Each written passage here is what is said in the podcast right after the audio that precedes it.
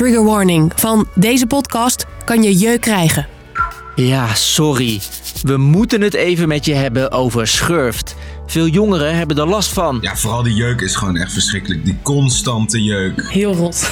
Ik gun het niemand. En zij zijn niet de enige. We zitten in de grootste schurftgolf sinds tijden. Af en toe denk je wel, houd het een keertje op met die schurft. Ik ben Jasper en ik vertel je hoe dat komt en wat we er tegen kunnen doen.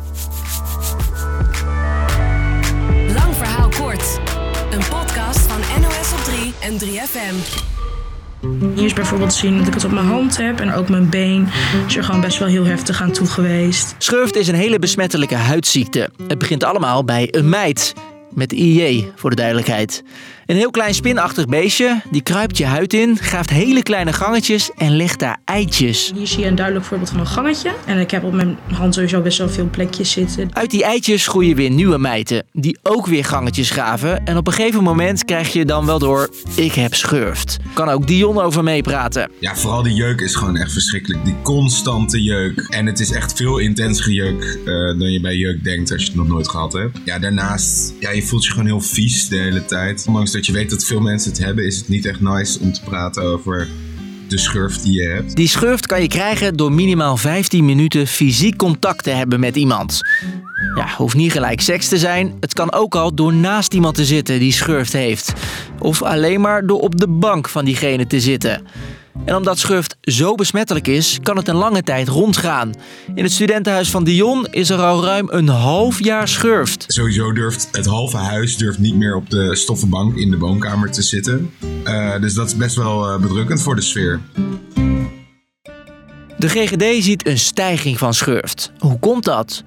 Nou, misschien wel, ironisch genoeg, door de maatregelen tegen dat andere virus, corona. Je kan denken dat we de afgelopen twee jaar natuurlijk uh, van lockdown naar lockdown uh, geleefd hebben. Um, en dat mensen daardoor dichter op elkaar uh, ja, zijn gaan wonen eigenlijk. Um, toch de gezelligheid van elkaar toch opgezocht hebben. En het opvallende is dat schurft ook steeds vaker voorkomt in normale huishoudens. Dus niet alleen in studentenhuizen.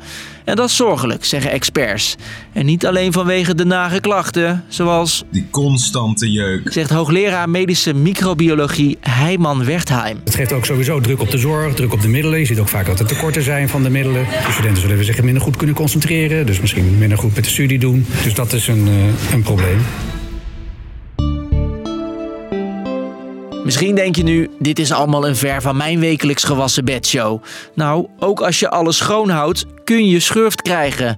En wat dan? Maak er nou een beetje een militaire operatie van met het hele studentenhuis, zodat iedereen samen tegelijk kan behandelen. Die militaire operatie begint bij de huisarts. Die kan je bijvoorbeeld crème geven.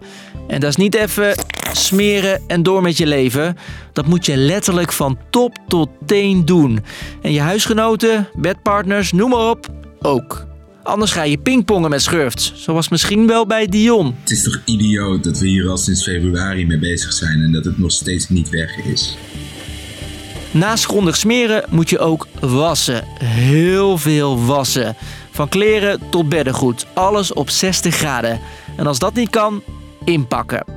Dat uh, zijn al mijn kleren in zakken. um, ik heb mijn bureaustoel die je daar kan zien helemaal in plastic zakken gestopt, omdat die ook van stof is.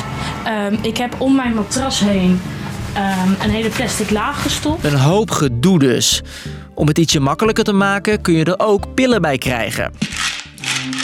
De Holy Grail is medicatie geweest. De eerste twee keer ben ik behandeld met crème, permetrinecrème.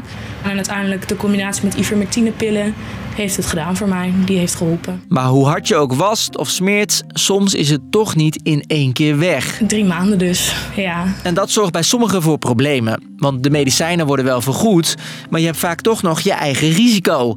En dan kan telkens zo'n tube kopen wel aantikken, weten ze bij Dion thuis. En uh, nou ja, het is wel zo dat na twee of drie keer dat we die zalf hebben gesmeerd, dan heb je toch ja, drie keer zo zelf van 18 euro moeten smeren. En dan zijn mensen er toch wel klaar mee op een gegeven moment. Bij de GGD denken ze nu na over wat ze nog meer kunnen doen om de schurfmijten niet verder te laten graven. Daar denkt arts Ewout van Nooy ook over na. Bijvoorbeeld de behandelingen, dat we bijvoorbeeld iemand die in contact is van iemand bijvoorbeeld niet één keer behandelen, maar twee keer. Maar dat zijn natuurlijk kleine dingetjes. Het allerbelangrijkste is communicatie en dat mensen de klachten herkennen. En dat is ook een taak voor huisartsen, vindt hij. Sommige huisartsen doen het fantastisch en andere huisartsen die hebben er wat minder verstand soms van. hè. En de huisarts moet goed advies geven, hè, dat ze ook een, een huisgenoten, knuffelcontacten ook mee behandelen. En dat heel goed doen.